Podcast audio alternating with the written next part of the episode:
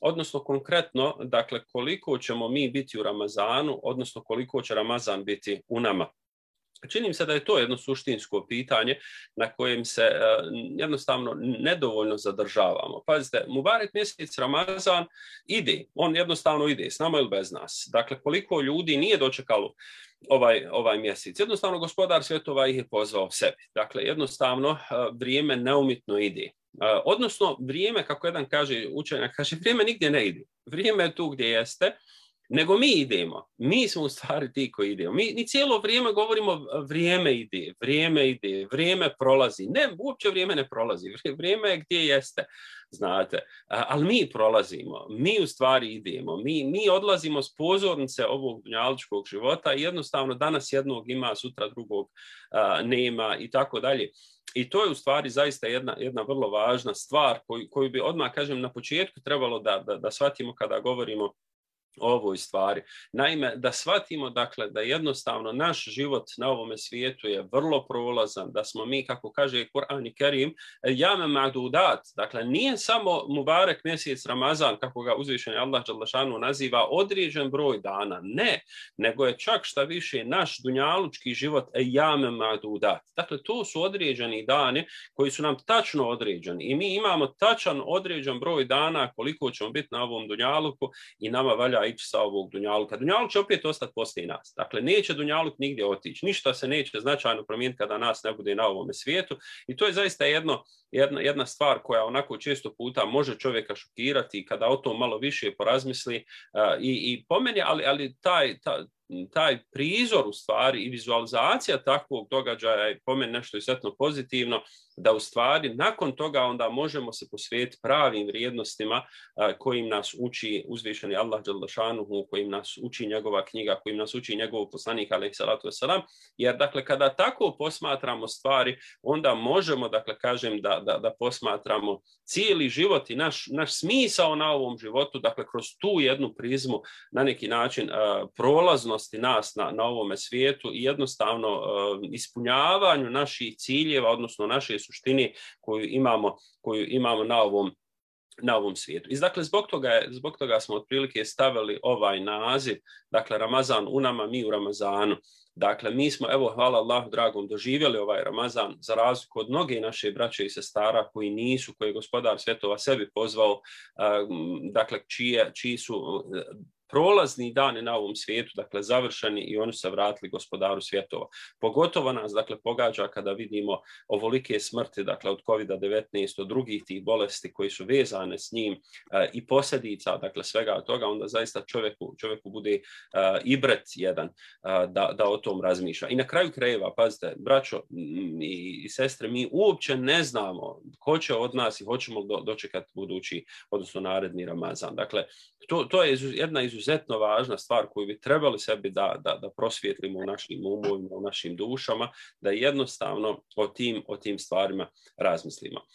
Da bi na neki način pokušali razmišljati dubinski o, o, o nama u Ramazanu, o tome kakvi treba da budemo u Ramazani ili, Ramazanu ili koliko je moguće da budemo blizu idealnog muslimana u Ramazanu i da se približimo poslanikovom sallallahu alejhi ve primjeru i prizoru u, u, u samom Ramazanu, bitno nam je dakle, da shvatimo dvije stvari Ramazanskog posta, odnosno dva segmenta Ramazanskog posta.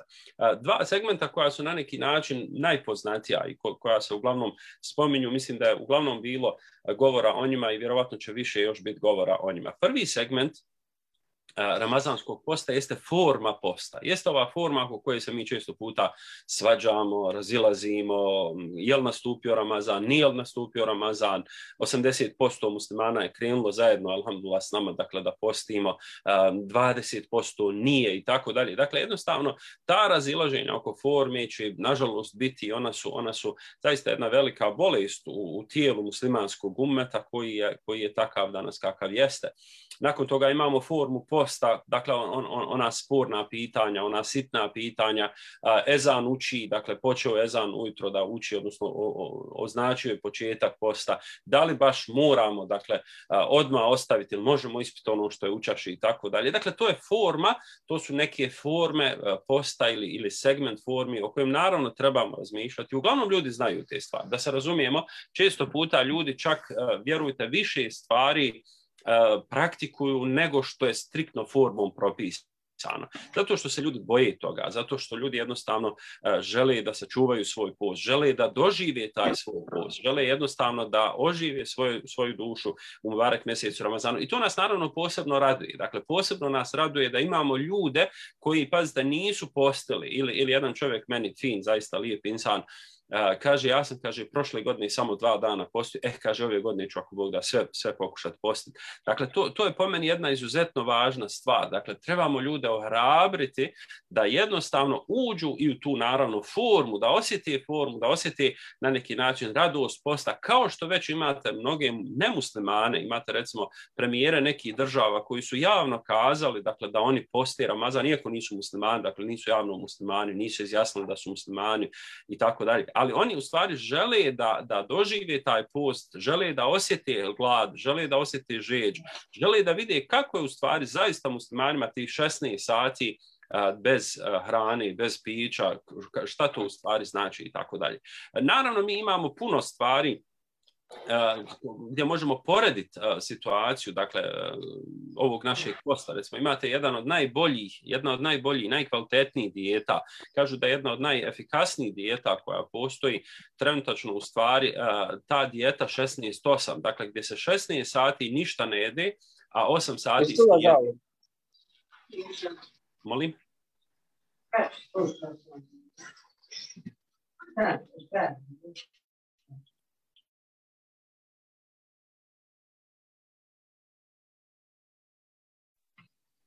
Nekome izgleda bio uh, ugasio zvučnik.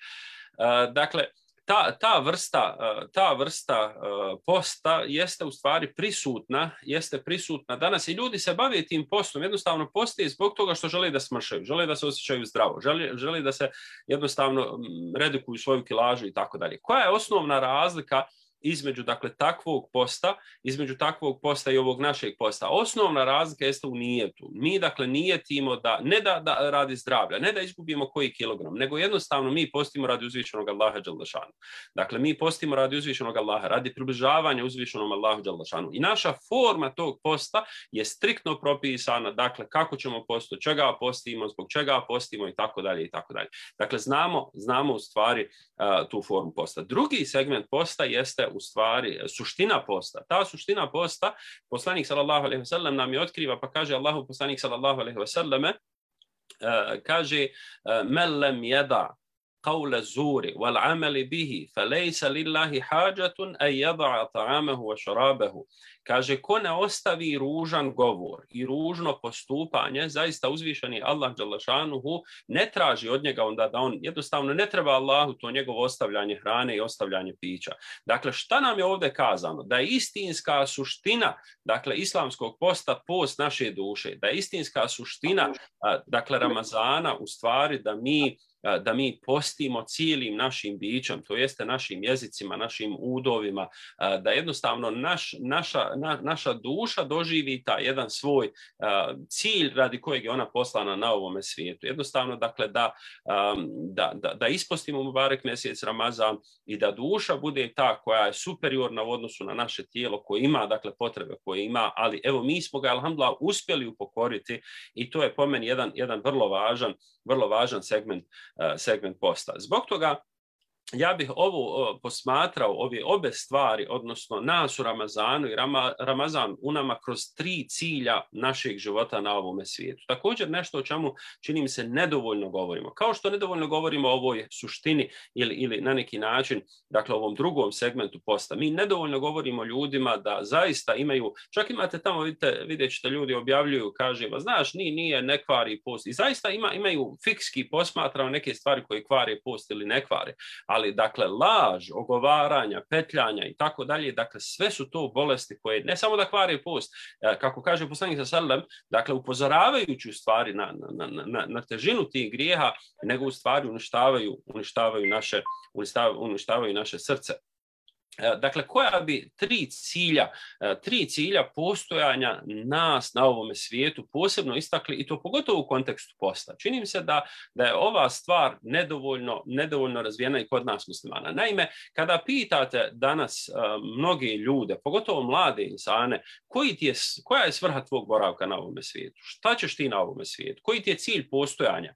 Dakle, šta je to što jednostavno je po tebi smisao tvog bitstovanja na ovome, na ovome svijetu. Vidjet ćete da će se mnogi zamisliti, da će jednostavno ono zastati kazati, pa dobro, šta je stvarno cilj mog boravka na ovome svijetu. Ja bi dakle izdvojio iz kuranskog dakle, teksta, iz Kur'ana Kerima i hadisa Allahu poslanika sallallahu alaihi sallam tri cilja koja, koja su legitimni ciljevi koji su nam propisani, a koja u stvari možemo da, da doživimo u kontekstu našeg, našeg ramazanskog posta i da na, na taj način u stvari dodatno produhovimo naše e, duše, odnosno naš post, odnosno nas u Mubarek mjesecu Ramazanu. Prvi cilj našeg boravka na ovome svijetu. U isto vrijeme, dakle, aplikativno, prvi cilj našeg posta jeste u stvari harmonija naše duše i našeg tijela. Dakle, to je, to je prvi cilj našeg boravka na ovome svijetu. Šta je, dakle, cilj, legitiman cilj boravka na, ovom, na ovome svijetu? Jeste u stvari da čovjek živi harmoničnim, idiličnim životom koliko god je to više moguće.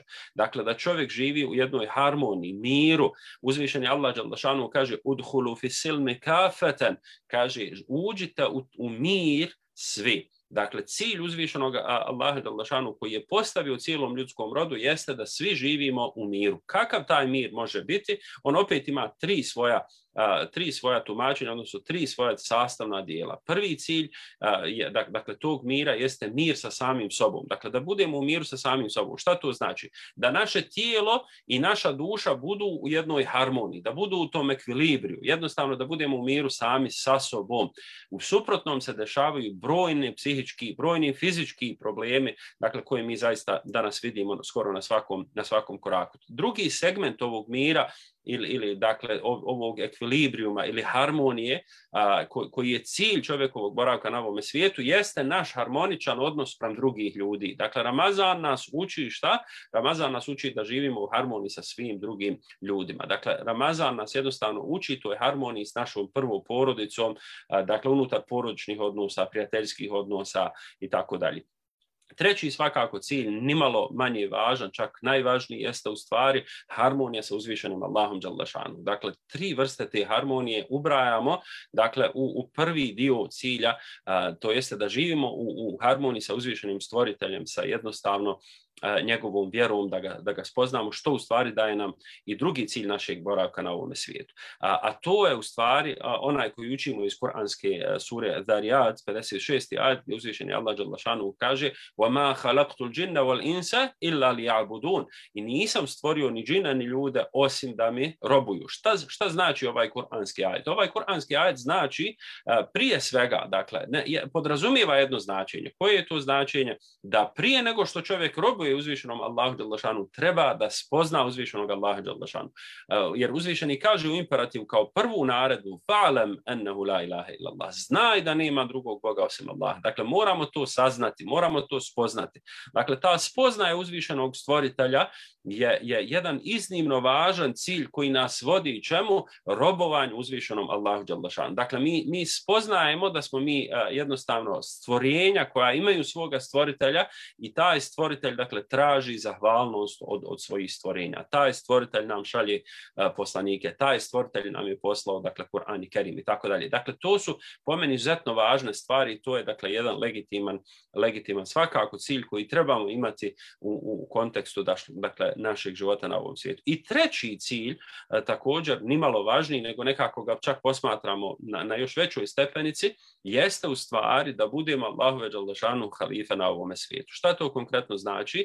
Da budemo oni ko, s kojim je Allah Đaldašanu zadovoljan, oni koji izgrađuju ovaj svijet, oni koji jednostavno su došli na ovaj svijet da nešto urade. Dakle, kada krenemo sa ovog svijeta, kada nam duša bude izvađena iz našeg tijela postavljaju se dva pitanja. Jedno pitanje jeste šta ćemo ponijeti sa sobom na budući svijet. Šta je to što nosimo sa sobom na budući svijet. I svi meleki dakle, na koje budemo nailazili pitaju upravo to pitanje. Ko je ova duša, šta je ona uradila, šta je ponijela sa sobom.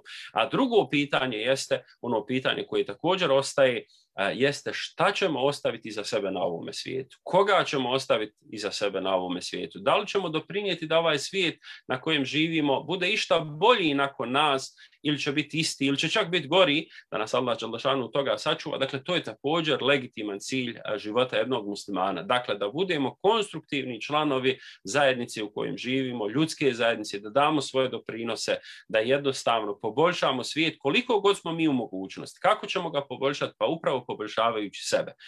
I, I tu stvari, evo, pokušat ćemo da, da krunišemo uh, ova, ovaj govor time, dakle, jednostavno pristupom, na koji način sada post posmatramo u, u, u ovoj jednačini ili ova tri cilja koja sam spomenuo. Pa vrlo prosto, uh, post je idealan mehanizam koji vraća dušu, dakle, na mjesto koje joj izvorno pripada. Naša duša 11 mjeseci biva zatirana. Naša duša 11 mjeseci biva u zapečku našeg tijela i naših tjelesnih potreba. Mi, nažalost, ne možemo da doživimo toliko mubarek, da, da, da, da, dakle, namaz, ne znam, učenje Korana i Kerima. Ne možemo osjetiti, dakle, te brojne blagodati koje imamo, jednostavno zato što naša duša to ne osjeća.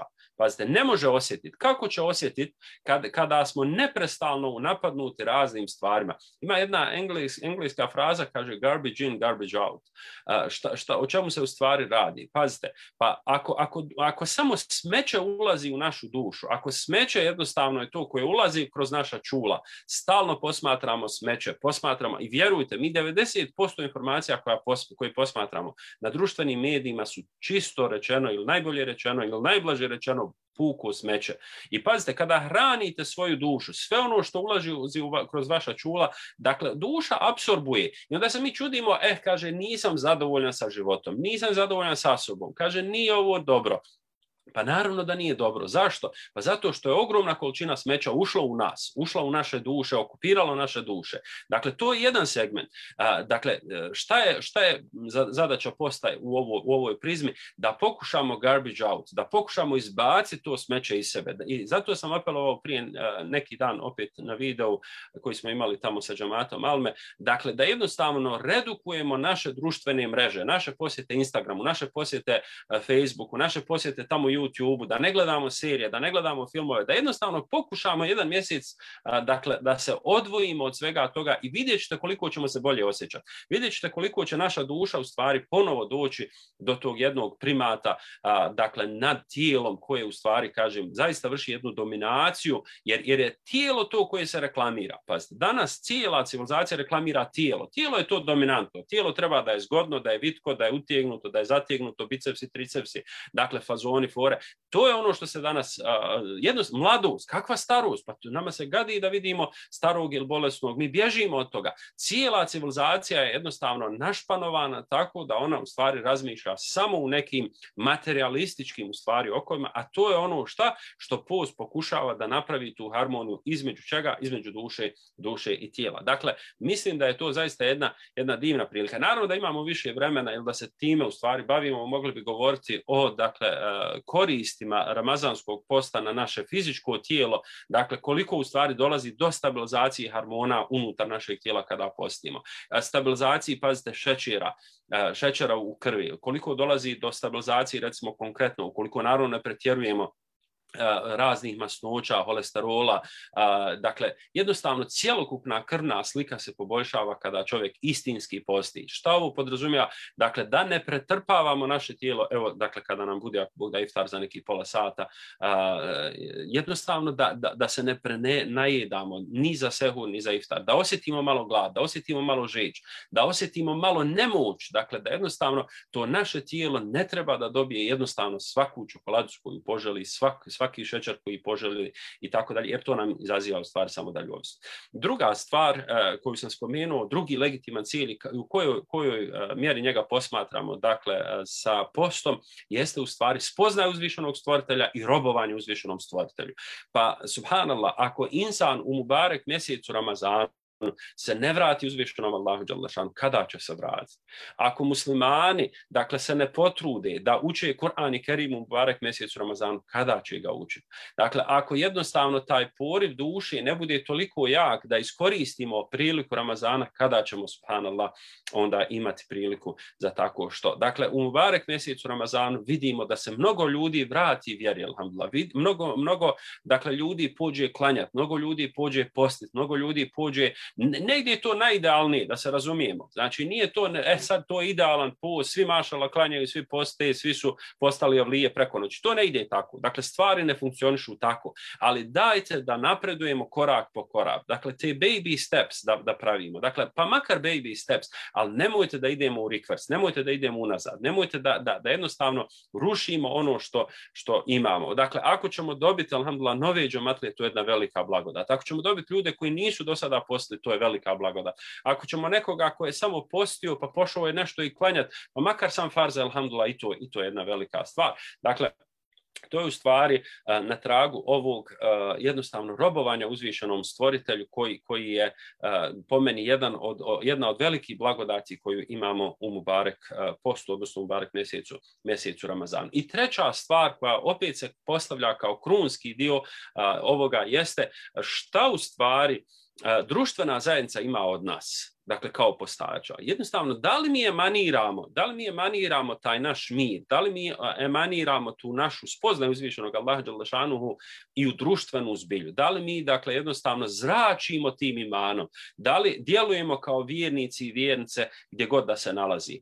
Vođalni mubaraka na kunt, da, da budemo beričetli gdje god da budemo, dakle, s kim god da se nalazimo, jednostavno da, da, da, da ostavljamo takav trag, da kada nas ljudi ka, vide, da kažu, evo ono je vjernik, ono je vjernik, ono je dakle jedan hajli insan ili ono su hajli osobe i tako dalje. Dakle, na taj način smatram da mi učestvujemo u izgradnji dakle boljeg svijeta i to je nešto što jednostavno smatram da, da, da mi možemo postići kada budemo dakle posvijetili se i toj formi posta da i naravno nikako ne zapostavimo, ali svakako da razmišljamo, promišljamo o suštini našeg posta i to kroz ove tri stvari koje sam spomenuo, nadajući se da ćemo tako ispolirati naše duše, da ćemo time postići taj cilj koji je univerzalni, dakle da, da ispoliramo naše duše, da ih očistimo, da ih približimo gospodaru svjetova, da se približimo jedni između drugi. I činim se na taj način da ćemo uspjeti dakle, da doživimo u barek mjesec Ramazan, da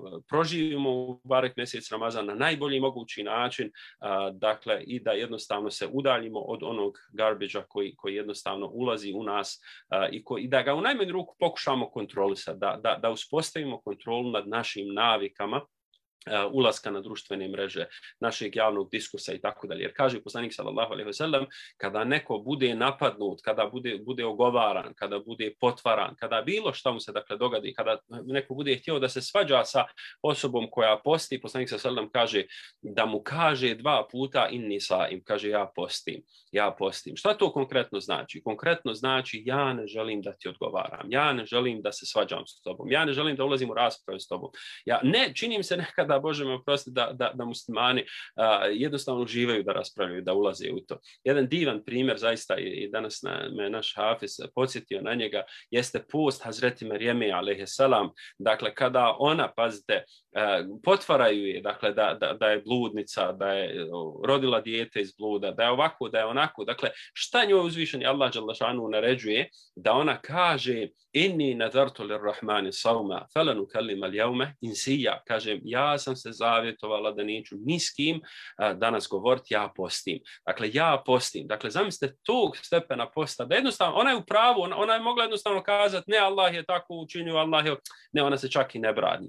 Nego u stvari, oni kada je nastavljaju napadati, da ona kaže, fe ešarac ilej, pa ona pokaza prema njemu. Oni kažu, kejfe nu kellimu men kane fil mehte sabija. Kaže, kako ćemo s djetetom pričati? Nema ništa. I da bi gospodar dozvolio, dakle, da to dijete uh, progovori kao jedna od mođiza Isa, alaih salatu wasalama. Hoću u stvari kazati da, da mi u stvari treba da učimo od Božih poslanika, iz njihovog posta, iz evo posta uh, odabranih žena koji se spominju u Korani Kerimu, između njih posebno Merijeme, uh, dakle i da jednostavno učimo uh, te životne lekcije i da ih primjenjujemo u u Mubarek mjesecu Ramazanu, nadajući se tada, inša da će i Mubarek mjesec Ramazan, odnosno post u njemu i sve ono što imamo, dakle, produhovit nas, da će nas poboljšati, da ćemo biti bolji ljudi uh, i da ćemo uz Božju pomoć tada moći kazati, dakle, da, da Ramazan, bili smo u Ramazanu i da Ramazan je, alhamdulillah, bio, bio u nama.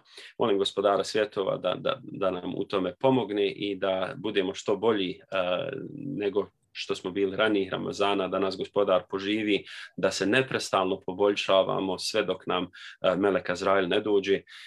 I to je ukratko i evo ko, ono što sam ukratko želio da vam kažem. Da vas Allah uzvišeni nagradi, pa evo sad ukoliko ima nekih pitanja, nedoumica ili nešto slično, bujru, stoji vam rado na raspolaganju. Amin. Da vas Allah nagradi, profesore, zaista su korisne bile vaše poruke, a, posebno isticanje ova, ova tri a, ključna faktora što se tiče našeg bistovanja na, na ovom svijetu. A, evo, što se tiče četa, mislim da nemamo ovdje ovaj za sad poruka, pitanja, pa evo, s obzirom da, sad, da ste vi spomenuli to, na koji način da mi ovo ovih 11 mjeseci sakupljenih tog garbiđa u ovaj mjesec dana očistimo naše duše. Šta je vaš savjet? Pa moj savjet je ovo, ovo što, što u stvari i sukus predavanja, a, a to je da vodimo računa o formi posta i da vodimo računa o, o, o suštini i formi posta i podjednako, da razmišljamo što više o tim stvarima i da pokušamo u našem postu, dakle da se jednostavno približimo poslanikom, sallallahu alaihi sallam, odgojnom primjeru, odnosno njegovom primjeru toga. Jednostavno, dakle, da pokušamo postati cijelim našim bićem, da, da pokušamo što više se konektovati sa Kur'an i Kerimom. Dakle, ovo je divna prilika, pazite, da ostavimo društvene mreže, da umanjimo razgovore s društvenim mrežama. Znate, one kilometarske poruke, pa 100 poruka, pa 50 poziva i tako dalje, da jednostavno svedemo na što manju, manju razinu, a da u stvari uzmijemo Kur'an i Kerim, da se s Kur'an i Kerimom što više uh, družimo. Vjerujte, ja skoro svakodnevno subhanallah, imam kontakte s brojnim ljudima, pa ljudi se žali, ljudi imaju velike probleme, duhovne prirode, uh, razni drugi problema. Dakle, jednostavno, vjerujte mi, smatram da 90% tih problema bi se riješilo kada bi se ljudi vratili Kur'an i Kerim. Kada bi ljudi jednostavno uzeli Kur'an i Kerim ostavili ove društvene mreže. Dakle, jednostavno, puno bi tih stvari bilo bilo lakše. I zbog toga, dakle, zaista evo pozivam i sebe i vas da ovo bude mjesec Kur'an i Kerima. Ono što mi često puta čujemo, ono što mi često puta, jednostavno to nam je postalo nekako svakodnevnica, ne, ne, ne razmišljamo više previše o tome. Dakle, jednostavno, Kur'an treba da bude na prvom mjestu u životu jednog muslimana i muslimanke. Dakle, ovo treba da bude, ovo je mjesec Kur'an i Kerima, njegovog objavljivanja, razmišljanja o njemu, iščitavanja Kur'an i Kerima i tako dalje. Stvarno, mislim da je to nešto što čemu trebamo dati akcent. Svakako imamo i druge načine, mi smo neki dan na našem YouTube kanalu objavili uh, jedan video, dakle, da je mjesec, u stvari mjesec uh, Ramazan, da je u isto vrijeme mjesec darivanja, dakle, da je škola darivanja, da je škola dobročinstva, darežljivost, jer to nas je učio poslanik sallallahu alejhi ve također. Jednostavno šta tu možemo naučiti? Hajmo nekome pokloniti neku sitnicu, hajmo, hajmo nekome dakle uh, učiniti neku, neku, neku, dobru stvar. Hajmo nekome obradovati ga time što ćemo mu dati, ne znam, iftar, što ćemo počastiti nekoga lijepim iftarom. U najmanju ruku haj ili poruku mu poslati uh, sa dovom uzvišenom Allahu lažanu. Što ćemo se dići dići ruke, dakle i se nekoga uh, dovom i tako dalje. Dakle, imamo puno prilika, dakle u ovom barek mjesecu Ramazanu da jednostavno posvetimo se našim dušama, a ne kažem da ostavimo koliko je više moguće, kako smo uspjeli, alhamdulillah, ostaviti evo hranu i piće, evo četvrti dan, tako u stvari da pokušamo ostaviti i, i ovaj brojni garbage koji, koji ulazi, ulazi u nas. Vas nagradi. Uh, na Facebooku su nam komentari u smislu da ste hajrli insan, da ste držali koristno predavanje, znači nije bilo pitanja. Tako da evo, smatram... Barek Allah fikum, da vas Allah, dragi, nagradi svakim hajrom. Hvala vam još jednom. Amin. Da vas Allah nagradi što ste odvojili svoje, evo, prediftarsko vrijeme, ovo Mubarek, Mubarek vrijeme. Želim vam svako dobro i puno uspjeha u daljem radu. Hvala vam puno. Assalamu alaikum wa rahmatullahi wa barakatuh. Wa alaikum salam wa rahmatullahi wa barakatuh.